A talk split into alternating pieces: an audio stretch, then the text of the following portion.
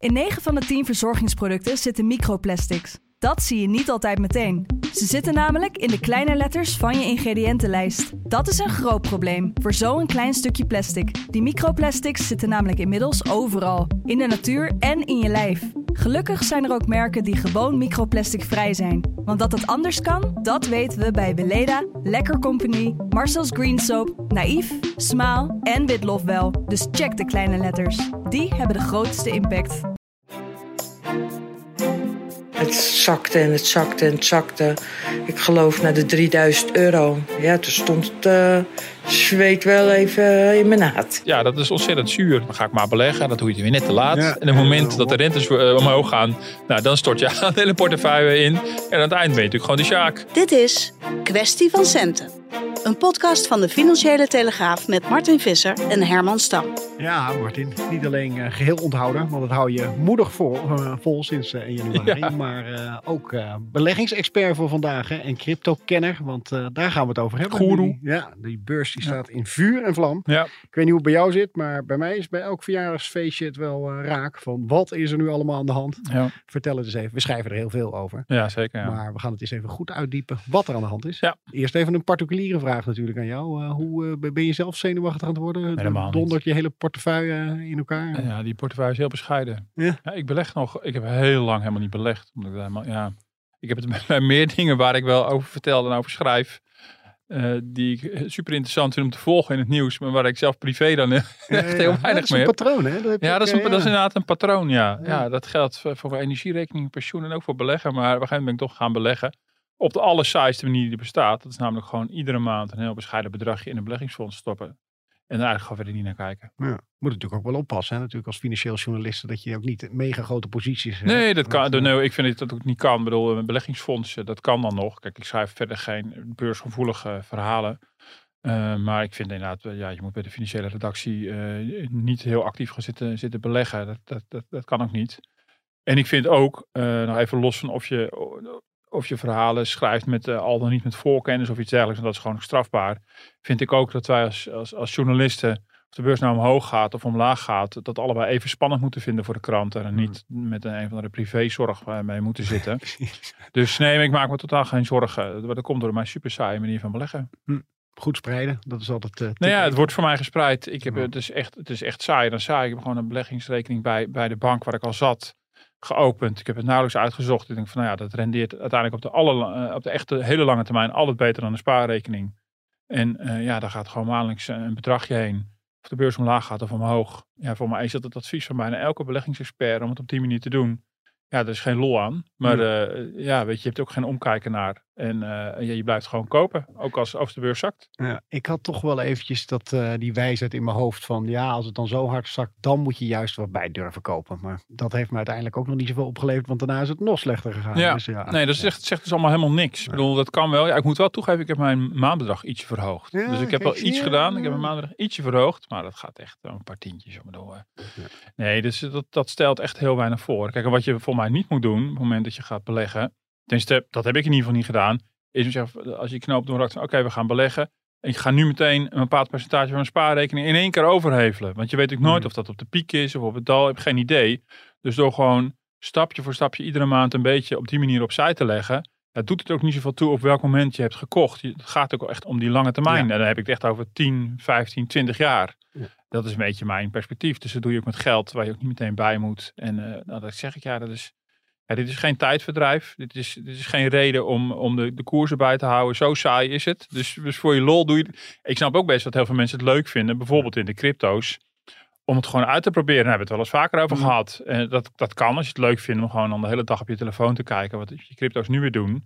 Dan is het meer een soort hobby. Die interesse heb ik zelf eh, eh, eigenlijk helemaal niet. Ja, mij heeft het ook wel voor gezorgd. Ja, het zijn allemaal hele kleine posities, laat ik dat voorop zeggen. Maar eh inderdaad meer betrokkenheid ook heb. Daarvoor zijn ik gewoon allemaal ja. niet zo heel veel die, Ja. eh, die berichten over de crypto's. En denk van nou, Ja. dan ga je toch wat, wat, wat gefocuster kijken als het ook om je eigen geld gaat. Ja, ja, en het eigen geld dat dus nu dus bijna weg is. Ja, Ja. nou dan zie je mij soms helemaal zwetend hier achter mijn computer zitten. Nee hoor, nee. Ik, eh, en wat je net zei over eh, wanneer je dan moet kopen.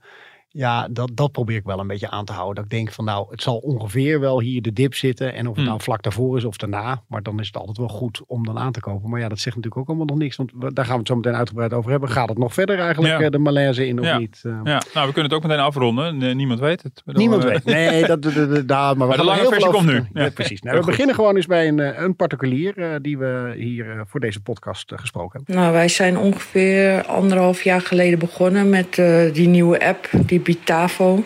Mijn man was al de hele tijd bezig met die bitcoins in de gaten houden. En eh, van het een kwam het ander. Op het laatst was het dan eh, ongeveer 17.000 euro. Nou, toen zag het ook stijgen naar 21.000. Een paar weken later de kijk en het zakte en het zakte en het zakte. Ik geloof naar de 3000 euro. Ja, toen stond het eh, zweet wel even in mijn naad. Nou, dat is nog heel netjes uitgedrukt, toch? Ja, ik kan me ook wel iets meer voorstellen, ja. Zullen we gewoon eens even beginnen met wat, wat, wat jij ziet, waar je op aanslaat van eh, de mensen horen dan eh, de onrust. Waar kijk jij dan vooral? Ik weet, je bent niet een, een, een beursgoeroe, want dat is eigenlijk een beetje de- Ja. voor de gein aan het begin. Maar jij ziet wel wat meer over wat er op zo'n markt gebeurt en waarom dat Nou zo ja, kijk, wat ik heel erg interessant vind van, van wat er nu gebeurt, is ja, die richtingloosheid vind ik eigenlijk interessant. Ik bedoel, er zijn natuurlijk dagen dat je denkt, oh, het trekt weer aardig aan. En ineens zakt het weer weg. Dat, dat is even overigens nog niet de crypto's. Eh, dat is gewoon meer eh, de, de aandelenmarkt. En je zag het het sterkst vrij recent dat de Amerikaanse centrale bank de rente verhoogde. Dat de aanvankelijke reactie heel positief was op de aandelenbeurs. Die schoot omhoog. En de volgende dag bedachten ze zich van oei, eigenlijk is het heel slecht nieuws. Ja, na al die jaren kan ik er met mijn pet nog steeds niet bij hoe dat dan, hoe dat dan werkt. En wij als journalisten bellen een analist op en moeten daar een verklaring voor vinden. En nou, we zitten een beetje met die analisten in een soort van complot dat er altijd een verklaring is. Maar Mhm. eigenlijk is het heel gek. Dat je denkt van, oh ja, het ene moment vind je, vind je een renteverhoging met 50 basispunten heel goed nieuws, want dat had ook 75 kunnen zijn. Hmm. En de volgende dag denk je, oh verrek, maar dat is eigenlijk heel veel onzekerheid. Ik bedoel, dat vind ik heel interessant en ook fascinerend. Ook altijd de reactie, als er soms hele zorgelijke dingen gebeuren en de beurs reageert niet, wordt er gezegd, het is al ingeprijsd. En op andere momenten gebeuren er dingen die je aan zag komen en dan schrikt de beurs toch weer, dan is het niet ingeprijsd. Dus in die zin is het een heel moeilijk mechanisme, die beurs, om die echt gewoon goed te vatten. En we willen natuurlijk dolgraag, zeker in die beursverslagen, proberen om alles zo goed mogelijk uit te leggen en te duiden. Ja, nu zie je vooral natuurlijk ja, die richtingloosheid. Zodat Hmm. dat, dat beleggers het heel ingewikkeld vinden. Wat moeten we hier nu van vinden? Er is een Oekraïne-oorlog gaande. We hebben hoge inflatie. De rente loopt op. Er ge- gebeurt ook van alles. Eh, er wordt gesproken over, een, over misschien over een recessie, over stagflatie. Allerlei redenen om je zorgen over te maken. En je ziet, nou, A, natuurlijk de financiële markten daar enorme klappen van krijgen. Dus de beurzen zijn natuurlijk eh, wereldwijd enorm gedaald. Maar ook dat het heel erg zoeken is. Mhm. eh, van, van waar kijken nou we überhaupt te veel, en misschien een beetje een ingewikkelde vraag, naar die centrale banken en hun invloed? Ik, ik snap echt wel dat er, het heel, dat er heel veel verandert. We zullen het Ja. later nog over Klaas Knot hebben en over eh, rentepercentages. Maar pakken we dat niet veel te vaak mee? En moet je gewoon niet zelf naar die bedrijven Nou, kijken van, joh, wat is hun Ja, nee, dat is wel ja. Nee, zeker. Die centrale banken die kunnen iets zeggen over het- de algemene trend op die financiële markten. Dat is een soort algemene reactie. Maar vervolgens maakt het natuurlijk wel heel erg uit van sectoren, specifieke bedrijven wat daar aan de hand is. En dat doen we natuurlijk ook wel, ook in onze, in onze beursverhalen. Dat je heel goed probeert te kijken van wat gebeurt er bij verschillende bedrijven. Want als de beurs hard onderuit gaat, is het ook heel zinnig om te kijken van wie gaat er het hardst onderuit en Mhm. wie onttrekt zich daar bijvoorbeeld aan. Ja. Maar wat, wat ik eerder zou zeggen, ik dacht dat je die kant op ging van of we de beurs niet veel te veel als een graadmeter zien van hoe het gaat met ons, met de, met de economie. En dat is natuurlijk heel lastig. Maar je hebt natuurlijk in de coronacrisis gezien dat het begin van de coronacrisis natuurlijk een forse klap, een forse correctie was op de beurs. Maar daar is, zijn de beurzen heel snel van hersteld en vervolgens gingen we naar allemaal records. En dat was ook een hele rare discrepantie. Mhm. Terwijl wij allemaal thuis in lockdown zaten te shippen, ging die beurs sky high. Dat is natuurlijk echt dat is natuurlijk bizar. Maar ook met, met de gedachte van ja, die, die beurs was toch een soort weerspiegeling van de economie. Ja. En ziet dingen die eigenlijk pas over een aantal Precies, maanden... ja, echt en dat is maar ten dele zo. Want dan is het natuurlijk wel relevant. Dat we weten, oké, maar dat zijn natuurlijk beursgenoteerde bedrijven. Nogal wie dus. Dus Mhm. dat is niet de hele economie. Dus niet per se representatief. Eh, je ziet natuurlijk wel bepaalde bewegingen, bepaalde trends die wel iets zeggen. Nou, je ziet natuurlijk dat met name de tech-aandelen het in die periode heel goed hebben gedaan. Nou, nogal logisch, want we dachten in coronatijd hadden we extreme focus, begrijpelijk en terecht, op detailhandel, horeca, evenementenbranche, die sectoren die allemaal dicht moesten. Mhm. Maar een hele grote delen van de economie draaiden door en draaiden draaiden misschien wel beter door dan ooit. Ja, en vooral Eh, op techniek. Eh, Vooral op ja. de, technologie. Dus Ja. daar is enorm van geprofiteerd. Dus in die zin ja, zijn er gewoon momenten dat economie en beurs van elkaar losgezongen lijken. En nu heb ik het gevoel dat er wel weer een relatie is. Waarbij je nu overigens wel ziet dat tech-aandelen hele harde klappen krijgen Mm. naar, naar verhouding. Ja, de onzekerheid in de economie zie je nu wel weer spiegeld in de beurs. Maar het is Mm. best wel moeilijk om dat altijd maar zo één op één op elkaar te plakken. Je kan niet automatisch zeggen de beurzen gaan nu al een tijd achteruit. Dus zal de economie wel een recessie belanden. Dat is te snel en te gemakkelijk. Ja. Hey, en denk je, want je noemde het al even, de oorlog in Oekraïne. Dat lijkt wel een beetje wat meer in ons besef te zitten van nou, dat duurt gewoon een tijd. En Ja. dat is dan een soort gegeven, hoe erg dat ook is. Ja. Maar eh, vooral ook eh, corona, dat je toch wel weer verhalen hoort uit andere landen van hmm, opkomend golfje. Ja. maak je nou, hier in Nederland hoor je het ook, hè, van we moeten ons weer gaan klaarmaken Ja. in dat najaar. Ik word er zelf helemaal depri van als dat soort berichten komen. Maar ja, het is wel een beetje de werkelijkheid eh, die ons... eh, Ja, nou ja, je, kan, je kan ook je kop in het zand steken. Zoals het Mhm. kabinet een beetje doet. Die zegt van nou, corona, los het lekker zelf op. Eh, de korte samenvatting van het huidige lange termijnbeleid. Maar eh, nee, zeker, er spelen, heel veel factoren door elkaar heen. Ik bedoel, waarbij de Oekraïne-oorlog natuurlijk wel degelijk nog een, grote rol speelt. De, de voortdurende vraag van, eh, komt er een olieboycott vanuit Europa? Nou, dat, je ziet dus nu, we zijn nu op het punt aanbeland dat na alle eensgezindheid in Europa, waarbij thema's komen die echt heel erg pijn gaan doen voor sommige landen. Dus de eensgezindheid verdwijnt een beetje. Maar je hebt nog steeds ook de dreiging dat er misschien een gasboycott vanuit Rusland komt. Dus dat is natuurlijk wel een concreet gevolg van de oorlog in Oekraïne. Waarbij we natuurlijk ons be- besef hebben dat gaat inderdaad heel lang duren. En misschien zijn de verstorende elementen voor allerlei wereldmarkten wel heel groot.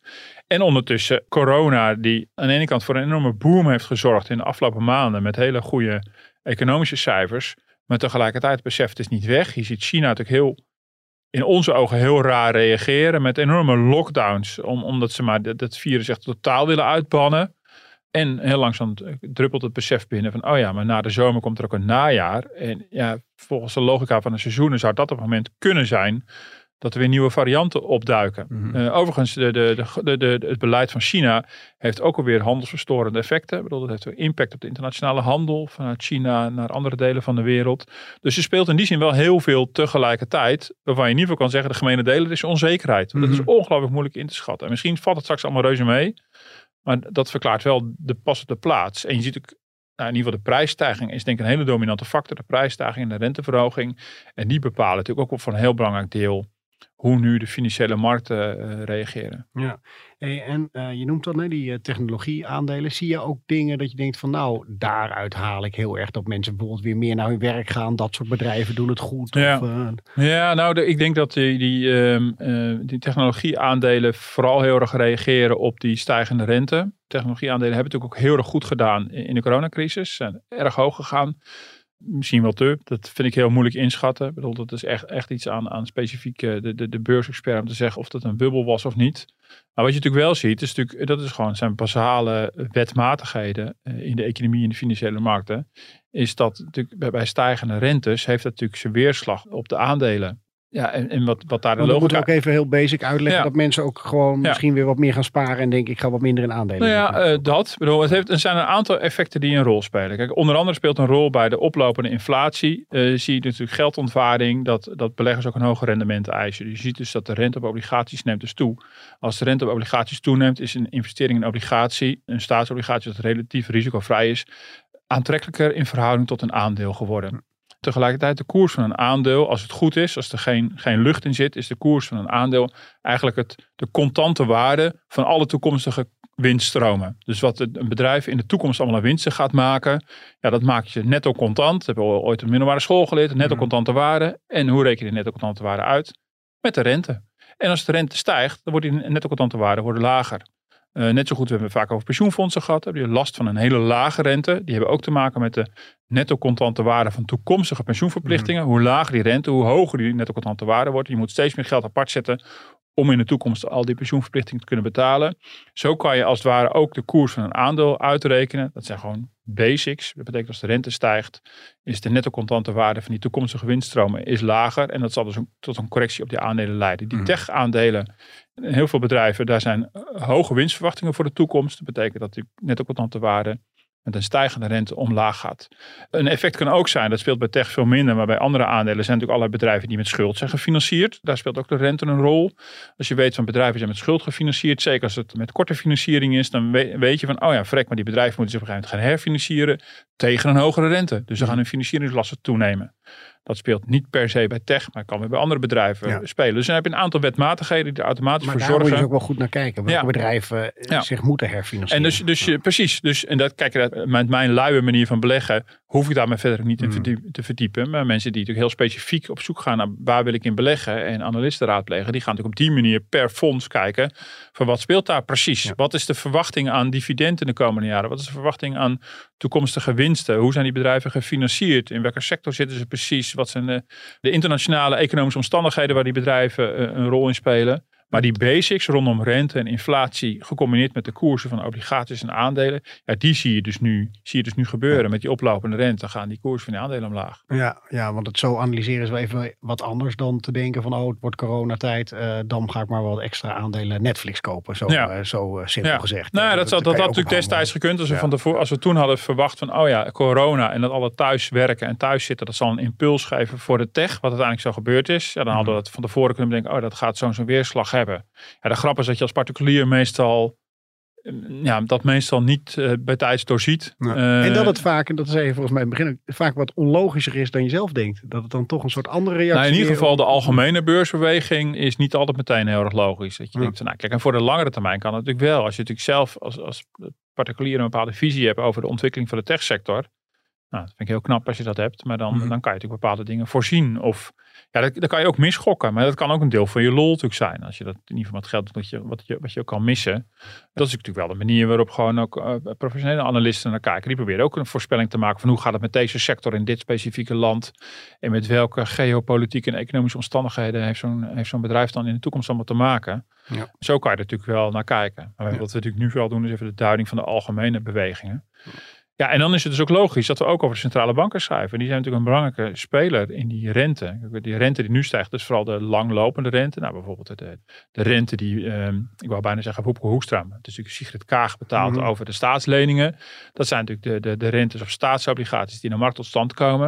Maar je hebt dan ook de centrale banken die daar actief zijn en waren door het opkopen van al die staatsleningen. Nou, de Amerikaanse centrale bank heeft al heel veel stappen teruggezet in het actief mengen in het opkopen. Eh, die is al echt aan het verkopen. De Europese centrale bank is dat programma aan het afbouwen. En de vervolgstap, wat de, de Amerikaanse centrale bank, de Fed, al heeft genomen en de ECB mogelijk gaat nemen, is dat je op een gegeven moment de officiële rentestand verhoogt. Mm. Dat is de korte rente, die we als het goed is ooit dan ook gaan merken in onze spaarrente die weer gaat toenemen.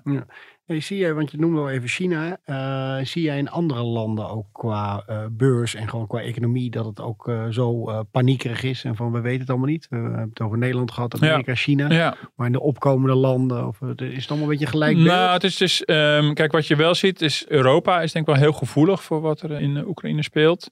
En wat je natuurlijk wel hebt en misschien, of misschien nog gaat krijgen, is toch vooral ook dat in die tijden van onzekerheid je nu wel ziet dat er een soort vlucht is in de dollar. Dat kan wel eens een weerslag hebben op heel veel meer landen dan, dan alleen in Europa. Omdat de dollar uiteindelijk het meest veilig voelt? op ja, dit moment? dus, dus je ziet dus nu ook, dat zie je in de euro-dollar natuurlijk ook al. Dat gaat richting pariteit, dus één op één.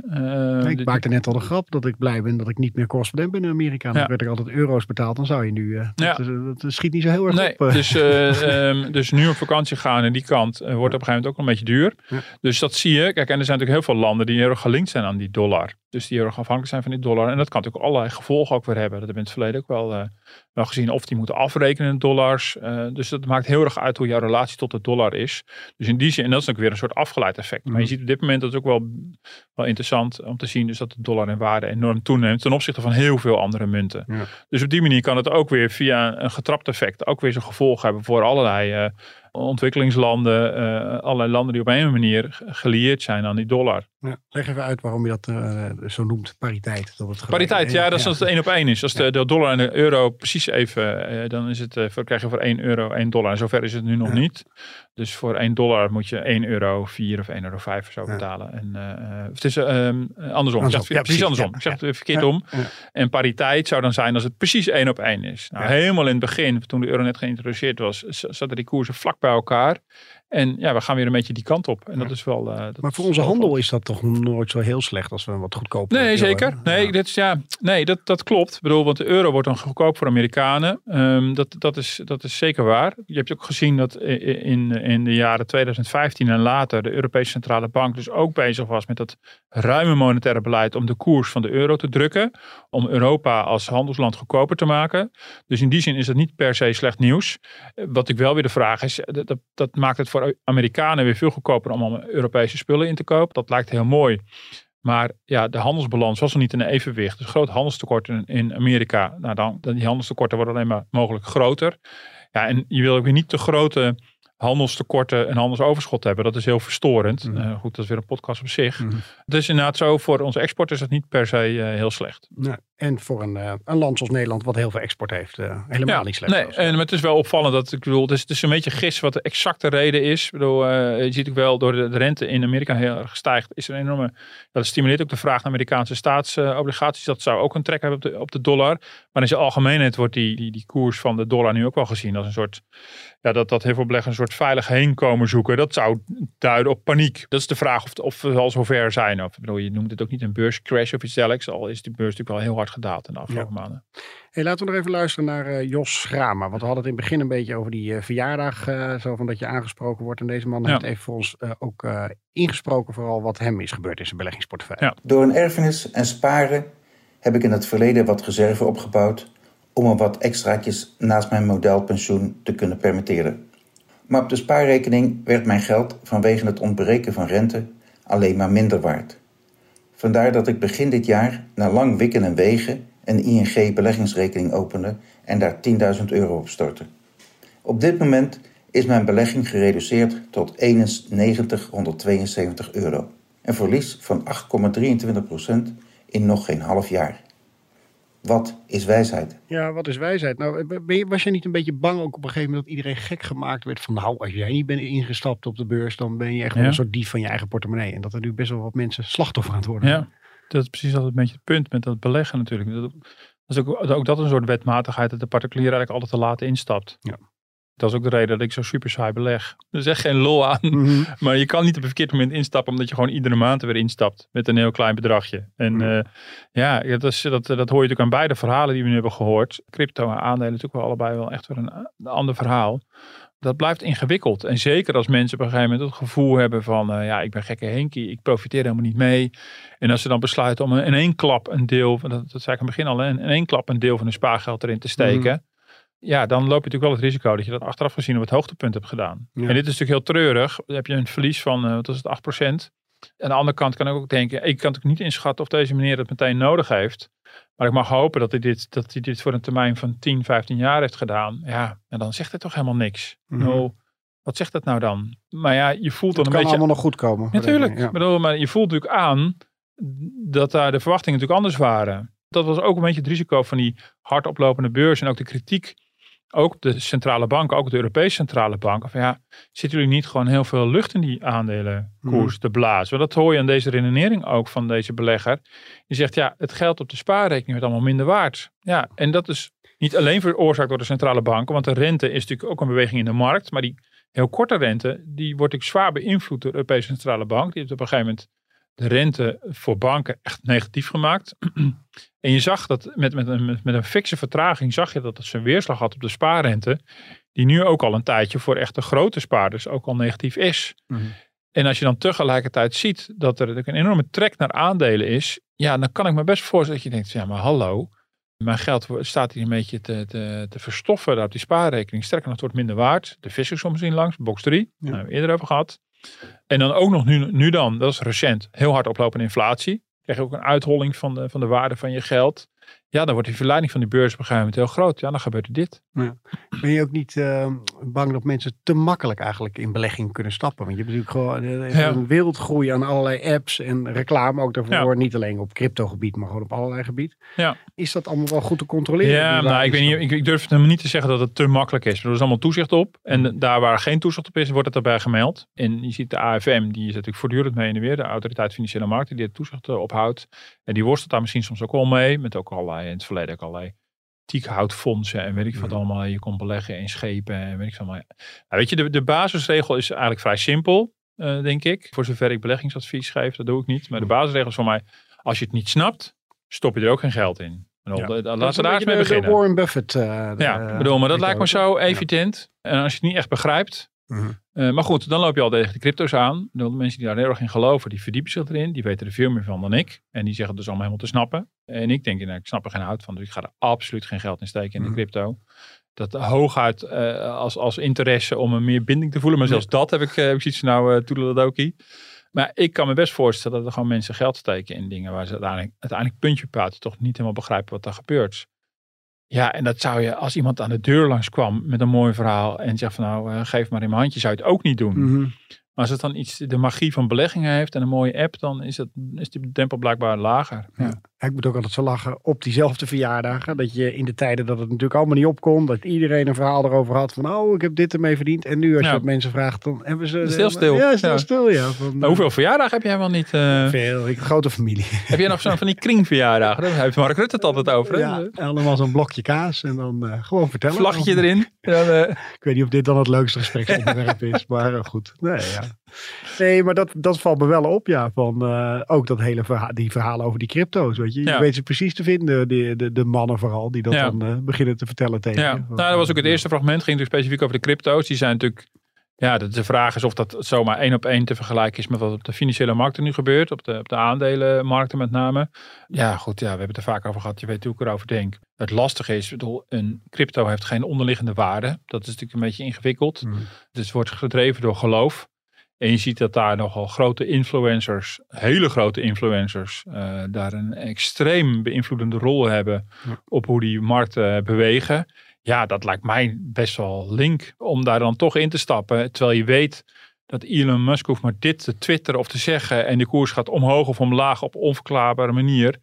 Maar ja, ik hou ook niet, eh, ik hou ook niet van eh, botsauto's en andere eh pretparken toestanden. Dus ik ben misschien extreem voorzichtig. Maar ja, dus dat vind ik met crypto's echt een ander verhaal. Bij de beurzen zoeken we nog naar een soort van het onderliggende verhaal. En dat is soms wel lastig. Maar er zitten in ieder geval wetmatigheden in. Maar de crypto's zijn voor een heel belangrijk deel eh, natuurlijk op, op geloof eh, gebaseerd. Nou, dus al, dan zal de crypto geloven zeggen, maar dat geldt voor ge- geld ook. Dat is waar. Als ik jou 1 euro overmaak, dan hecht je daar bepaalde waarde aan. Want die euro is voor jou, daar kan je iets mee kopen. Maar dat is ook een soort, een soort afspraak met elkaar. Dat we met, ja, met elkaar geloven in die waarde van geld. Maar daar weet je in ieder geval nog, er staan grote tegenpartijen achter. Er staan centrale banken achter. Maar goed, daar Mhm. hebben de, de crypto-gelovers natuurlijk helemaal geen, geen vertrouwen in, in al die centrale banken. Maar bij de crypto zit in principe niets achter. En wat je dus nu met die cryptomarkt zag gebeuren, die overigens dus gigantisch onderuit zijn gegaan. Die zat op de totale cryptomarkt was bijna drie- 3000 miljard euro waard. En is naar iets meer dan 1000 miljard euro gedaald. Dus is nou, bijna twee derde ervan af. Ah, Een beetje verschillend hoor. De verschillende, verschillende munten hebben anders gereageerd. Maar ook de zogenaamde stablecoins. Dus degene die een beetje de smeermiddel waren in de handel in crypto's. Die Mm. stablecoins die, waarvan gezegd werd dat daar echt een tegenwaarde tegenaan zat. Ja. Dat echt elke, elke coin ook echt een dollar was. evenwicht moesten zorgen. Precies. Ja, ja, En je ziet dus als dat vertrouwen wegvalt, en dan, dan gaan zelfs die onderuit. En dan blijkt natuurlijk, dan kan een soort bankrun ontstaan. Overigens, maar dat vond ik wel interessant, om heel eerlijk te zijn, zou zo'n vertrouwenscrisis natuurlijk in de formele, officiële financiële markt natuurlijk ook kunnen gebeuren. Dus in die zin, ten diepste is dan is dat natuurlijk ook weer niet anders. Dat hebben we natuurlijk in 2007, 2008, 2009 gezien. Hoe ook een vertrouwenscrisis, ook het reguliere financiële systeem, ondanks al die centrale bankiers en al die bobo's, ook totaal eh, ehm, down the drain kan gaan. Eh, maar daar, daar deed me wel een beetje aan denken. Alleen hier is geen houden aan. Hier zit geen rem meer op. Mm. Er is natuurlijk niemand dan die daarvoor in de weg springt. Behalve dan dat crypto's nu al zo groot en zo belangrijk zijn geworden. Dat ook gewoon de, de officiële financiële instanties denken. Oei, dit kan verstorend werken voor de reële economie. Maar goed, ze hebben geen, geen middelen. Het is niet zo dat de ECB ineens denkt, ga allemaal crypto's kopen om, om, deze, Ja. om, om deze crash te, te, te stuiten. We moeten nog gaan oppassen. Straks krijgen we misschien een keer een cryptobedrijf als sponsor van de show. Dan eh, moeten we nog eh, krijgen we gewetensbezwaar over Dat lijkt, dat, lijkt, dat lijkt me wel spannend. Ja, dat, eh, Ze willen koppelen aan ja, jouw eh, ja, dat kritische op, ja, dat lijkt me heel erg leuk. Ja. Ja. Hey, eh, je hebt een paar keer al eh, gehad hè, over de ECB en eh, de, de Fed, de Amerikaanse centrale bank. Eh, laten we eerst eens even luisteren naar eh, Klaas Knot, want die had zowaar eh, deze week invloed op de koersen. Mijn voorkeur op basis van de huidige kennis zou zijn om de rente met een kwart procentpunt te verhogen. Tenzij we in de komende maanden nog meer informatie zouden krijgen dat de inflatie zich verder aan het verbreden is, dan wel verder aan het oplopen is. Als dat het geval is, dan zouden eventueel grotere rentestappen ook niet moeten worden uitgesloten. Ja, de president van de Nederlandse Bank, uh, die verschijnt zondag bij College Tour van Ja. ja. Twan Huis. Ja. En dit was al even mooi uh, eruit geknipt. Zo van, uh, er is ook nieuws. Uh, Ja, want zij- zijn hoofdgast is dan Christine Lagarde, Ja. president van de ECB. En ehm, ja, Klaas Knot zegt gewoon op die dag gaat de rente met zoveel omhoog. Dat is wel vrij uitzonderlijk hoor, dat hij Ja. dat zo doet. Ja. En, eh, In college tour. Dat je denkt, van, Ja, ja, ja, en, precies. eh, meestal belt hij dan Reuters, maar eh, in dit Mhm. geval eh, belt hij Twan Huis. Maar Nou, het werd ook goed opgepikt, want ik zag in. Financial Times, er begonnen Financial Times begonnen weer over de Havik eh, knot die zich eh, nu mengde in het debat. Eh, is dit een hele verrassende move om deze manier druk uit te Nou de, de, de- kijk, de verrassing zit erin dat hij, dat hij een, een man en paard noemt. Dat hij het heel concreet maakt. Dat is de verrassing. Hij heeft eerder al bij Buitenhof, meen ik. Dat is een gebruikelijke podium. eh, of het fin- financiële telegraaf ja, natuurlijk. heel, ik wil Maar- je net toch gaan corrigeren. Wacht eens eventjes. Nee, maar hij, hij, eh, eh, laat zich graag ook bij, bij, bij Buitenhof eh, eh, uit. Dan laven ze zich aan zijn, aan zijn kennis. En misschien dat er bij de Financiële Telegraaf af en toe ook wel iets harder ingaan van eh, beste meneer Knot en, en die arme spaarder dan en die pensioenspaarder. En eh, krijgt hij ook wel wat tegenwerk. Ja. Hij kan tegen een stootje volgens mij. Maar, maar goed, eh, lang verhaal. Nee, da- daar heeft hij eerder al aangegeven, ook relatief precies, dat in het derde kwartaal van het jaar de eerste renteverhoging moest komen. In het vierde kwartaal misschien nog een keer. Maar nu wordt echt heel specifiek gez- gezegd op die datum met een kwart procentpunt en eventueel met een half procentpunt. Een half procentpunt is precies ook wat de Fed, eh, de Amerikaanse centrale bank, heeft gedaan. Dus Mhm. dat is bijzonder. Lagarde eh, reageert daar ook op. Dat fragmentje is ook al vrijgegeven eh, en neemt het niet zo over in de zin van dat gaan we inderdaad doen. Dat zou ook heel wonderlijk zijn. Ja, Maar- dan deal, klaar. De rest hoeft Ja, niet meer te komen. Nee, dat, dat, ehm, eh, maar het is dus wel, het zegt ja, dit is wel de richting waarin we denken. Dus ik vond haar ook al relatief uitgesproken. En nou, daar kan je ook een soort forward guidance noemen. Daar, houden ze ook wel van bij de centrale banken. Om beleggers ook op voorhand zoveel mogelijk duiding te geven welke kant het op gaat. Mhm. Dan zal het wel een grote tegenvaller worden als het niet die kant op gaat. Dan, eh. Ja, zeker. Dus dat is altijd het risico. Daarom Ja. zijn ze ook altijd wel weer, eh, worden altijd slagen om de arm gehouden. En soms komen die slagen om de arm komen niet altijd helemaal over. En dan, dan zie je vaak nog een soort correctie. Dan verschijnt er ineens in, in Bloomberg een, eh, een anonieme ECB-bron. En dan weet je, oh ja, dan heeft de vicepresident of zo gebeld Jij met weet Bloomberg. precies dan wie dat is En waarschijnlijk. dan, Wie dat- eh, ja, dan is de kans heel groot eh, dat het de vicepresident is of de hoofdeconoom. En dan, en dan willen ze dingen corrigeren Mhm. om de verwachtingen bij te stellen. En dat is ook wel begrijpelijk. Dat kan ook wel eens gebeuren naar aanleiding van zo'n uitlating van Klaas Knop bijvoorbeeld. Eh, want het is dan niet altijd gewenst. Hier, in dit geval werd Lagarde er gewoon mee geconfronteerd. Wel Ja. grappig. Waarschijnlijk ook En, eh, niet zomaar onverwachts. Er is er ook denk ik wel tegen haar Ik gezegd van hier ga je op neem reageren. aan eh, dat, dat de woordvoerders van Lagarde wel een goede afspraken hebben gemaakt met college tour van tevoren. Van wat, wat is de setting? Wat voor soort vragen gaan er komen? Zitten ze Mhm. behoorlijk strikt op. Ik heb één keer Mario Draghi eh, mogen interviewen als president van de Europese Centrale Bank. Nou, dan ga je door een behoorlijke molen. Mhm. Maar dat komt ook. Dus ook wel, het het is- ja, het is irritant, maar ook wel begrijpelijk. Want de, Mega de, de, alles. de, ja. de woorden Ja. worden echt op een goudschaaltje gewogen door, eh, door beleggers. Dus de impact is heel groot. Eh, maar het is, eh, ja, wat, je, wat je zei, als het nu niet doorgaat, dan moet je echt met een verklaring komen. Dan moet je ook uitleggen waarom is dit niet gebeurd. Maar de, de kans is heel erg groot. En dan gaan ze gewoon de Federal Reserve achterna. Hoe gaat het eigenlijk dan uiteindelijk die beslissing? Want ze komen dan, al die eh, centrale bankiers komen bij elkaar. Hè? En dan eh, is het nog een beetje steggelen of zo van nou, we weten al welke kant op. Je mag bij het kruisje tekenen. Nee, dan is het wel wat steggelen. Maar dan, eh, ze proberen wel een soort consensus te, eh, te bereiken. En dan eh, meestal is het in een kleine comité, de Lagarde met een aantal vertrouwelingen, is het al voorgekookt wat het ongeveer moet zijn. Ja. En dan wordt dat voorgelegd. En dan eh, ja, is het de bedoeling dat iedereen het daar wel mee eens is. Dus je krijgt Want, natuurlijk een paar eh, zuidelijke Europese landen die zeggen van nou, ik vind het wel lekker even een beetje die lage rente. Ja. We kunnen lekker wat lenen Ja. en eh ja, gaat wel goed. nou ja, kijk, je ziet natuurlijk wel dat, dat de ECB zich echt opmaakt hiervoor. En het, is, het ligt ook in de lijn van de verwachtingen dat je, dat je natuurlijk nadat ze dat opkoopprogramma aan het afbouwen zijn geslagen, op een gegeven moment gaan ze ermee stoppen en op een gegeven moment komen die renteverhogingen in beeld. En ja, je zult op een gegeven moment, zal op een gegeven moment ook wel moeten. Al vind ik dat dus wel spannend wat nu de centrale bank aan het doen zijn. Misschien nog wel spannender bij de ECB dan bij de Fed. Namelijk dat, ja, het is natuurlijk ook om de inflatie te beteugelen. Maar die inflatie komt natuurlijk voor een heel belangrijk deel van buiten. Dat is iets wat Klaas Knot ook zegt. Ja, het grootste deel van de inflatie is veroorzaakt door de energieprijzen. En die zijn ge- gekoppeld aan de oorlog. Of nou, in de maanden voorafgaand aan de oorlog. De onzekerheid rondom Rusland en Oekraïne. Dus, ehm, dus die, dat debat is er ook nog. Waarvan eh, ja, heeft, de, heeft de centrale bank eigenlijk wel in, invloed op deze inflatie. Eh, tegelijkertijd heeft Knot in meerdere interviews al wel gezegd. Ja, Maar door allemaal zo'n ruim beleid te houden, blijven we wel olie op het vuur gooien. Dus je zal wel iets moeten doen.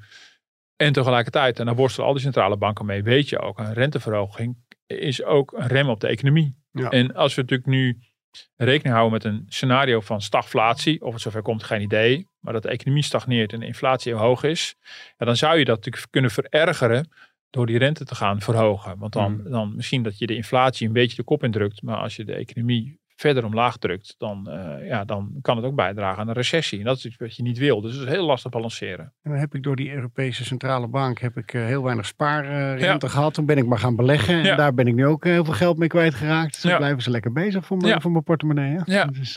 Nee, je kan beter gewoon maar helemaal niet mee bezighouden. Hè? Dat, is dan, dat is beter wat je kan doen. Gewoon oogkleppen op en, en gewoon niet te veel op je, op je apps kijken. En, nee, maar dat is natuurlijk wel zuur. Ik bedoel, je komt dus nu uit een situatie met, een, met spaarrentes die voor hele grote spaarders negatief is. En voor de meeste mensen ongeveer 0%. Nou, dan ga ik maar beleggen. Dat doe je natuurlijk net, eh, dat doe je weer net te laat. Ja, en op het en, moment eh, dat de rentes eh, omhoog gaan, nou, dan stort je aan de hele portefeuille in. En aan het eind ben je natuurlijk gewoon de sjaak. Ja. Ja. dat is ontzettend zuur. Dat de beurzen nu omlaag gaan, is in die zin ook wel verklaarbaar. Maar wel, met name voor particulieren, misschien wel een hard gelach. Helder. Nou, gelukkig hebben we nog onze eigen closing bell en rondvraag. Daar worden we altijd weer vrolijk van. Ja, we zijn wel weer toe aan het einde. Martin, heb je nog iets eh, wat de luisteraar nog moet weten? Ehm, heb jij nog iets? Ik heb zeker iets, maar laten we eens even omdraaien. Heb jij nog een mooi Ja, sportevenement? Nee, of, eh, nee, nee. Feyenoord, of heb jij, Feyenoord doe ik eh, allemaal volgende week. Want een goede gaan we recensie van het laatste boek van Dostoevsky? Oh, nou, die man is al dood. Dat kan niet meer. ik ga werken aan mijn intellect. Eh nee, Feyenoord is allemaal volgende week. En dat, dan, dan, gaan we het weet week over het hebben. Nou ja, dan weet ik ook of ze gewonnen of verloren hebben. Dus Oh dat, ja. eh, dat kan je mij dan zullen we zien of we dat Ja. nog een onderwerp dan vinden. Nee, toch. Ik wilde eigenlijk even gewoon aan jou vragen over, Ja. de, over, de, over de dwangpomp. Sowieso Oh, de dwangpomp. Oh ja, ja. Ja heb, ik, ook niets mee Heb te je, maken. heb je niet, hè? Of Nee, ik heb geen gas op, eh, op Eiburg. Ik woon op Eiburg en we hebben geen gas. Dus, ik heb geen... eh, goed. Ja. ja, ik heb ook geen dwangpomp. Ik heb eh, dwang stadswarm, stadswarmte. Ik Ja. gebruik geen gas, maar mijn, mijn energieprijs is wel gekoppeld aan de gasprijs voorlopig. Dus ehm, nee, nee maar, over- maar ja, jij dan? Jij bent gasloos. Nou, daarom wil ik zeggen, dit wordt een heel leuk experiment. Want ik zit in een nieuwbouwwijk en er is alles ligt klaar eigenlijk om dit heel goed te laten werken. Want het is geïsoleerd, het is allemaal nou, alle voorwaarden. Alleen het is op gas. Wij zijn een van de laatste nieuwbouwwoningen die dat hebben. En Ja. ik zou nu denken, dan zou ik wel eens de oplossing willen zien van de overheid hoe makkelijk het bij ons kan. Want Ja, bij ons zou het toch het allermakkelijkste moeten kunnen. ja. Maar daar schijnen toch nog wel. Ik heb een, een eh, eh, nou ja, dat is een vaste luisteraar van deze podcast. Maar die is daar heel actief mee bezig. En eh, ik, mijn dank is groot daarvoor, want het is een heel uitzoekwerk hoe je wel de Ja. buurt doet. Maar ik wil het wel als experiment gaan zien de komende maanden. Van als, als dit niet eens lukt, Ja. bij- in zo'n nieuwbouwwijk. Om daar Nou, bij jullie is het dan weer met je zonde. Want dan ga je dus apparatuur wat gewoon nog goed is vervangen door iets nieuws. Ik bedoel, waarom zou je? Ja. Nou, Nou ja, omdat dat dan natuurlijk wel eh, duurzaam is en uiteindelijk goedkoper toch? Als, Ja. ah, ja, Ja. dat moet dan. eh, dat ja, moet maar hoe worden. duurzaam is het om allemaal eh, een net geïnstalleerde apparatuur dan maar bij Ja, de schroot te gooien? Dat is toch helemaal niet duurzaam? Nou, misschien ze die nog even ergens anders plaatsen of zo. Ja, Maar, eh, Ja, nee. ja, nou een ander probleem bij, eh bij Nieuwe Huis. eh, ik had onlangs mijn VVE-vergadering. Eh oeverloze vergadering. Maar goed, toch nodig. En daar ging het over. Kunnen wij laadpalen gaan installeren in onze eh, eh, parkeergarage? We hebben een parkeergarage in Pandig. In, in dat blok. En dat, ik weet niet, dat is vier verdiepingen hoog of zo. Hmm. Dan zit je met brandgevaar en alles. Dat is toch een heel ding. Ik bedoel, de- Eiburg is een wijk waar bewust te weinig parkeerplaatsen zijn. Zodat iedereen verplicht is een parkeerplaats te kopen eh, Eh, maar ja, daar zit je met brandgevaar en alles. Dus eh, terwijl iedereen aanvoelt van ja, eh, of we willen of niet, vroeg of laat worden we richting elektrisch ge- ge- gedwongen. Ja. Ehm, nou, daar zit je dan met je laadpaal op, op drie hoog.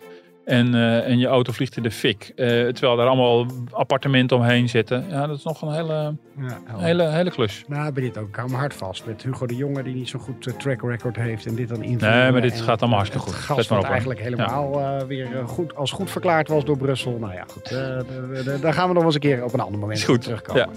Eh, dankjewel voor je tijd. Ja. Eh, tot volgende week voor de luisteraars. We vertellen eventjes eh, hoe je duimpjes kan geven. Dat Ja, duimpjes, sterretjes op de, op de, de podcast-apps. Dan zijn we beter vindbaar. We vinden het ook leuk om complimentjes te krijgen. Maar het is vooral de vindbaarheid. En, en, maak een beetje reclame in je vrienden- en collega-kring als je een leuke podcast vindt. Zeker. En mailen naar podcast.dft.nl. En dan zijn we volgende week weer te horen. Tot volgende week.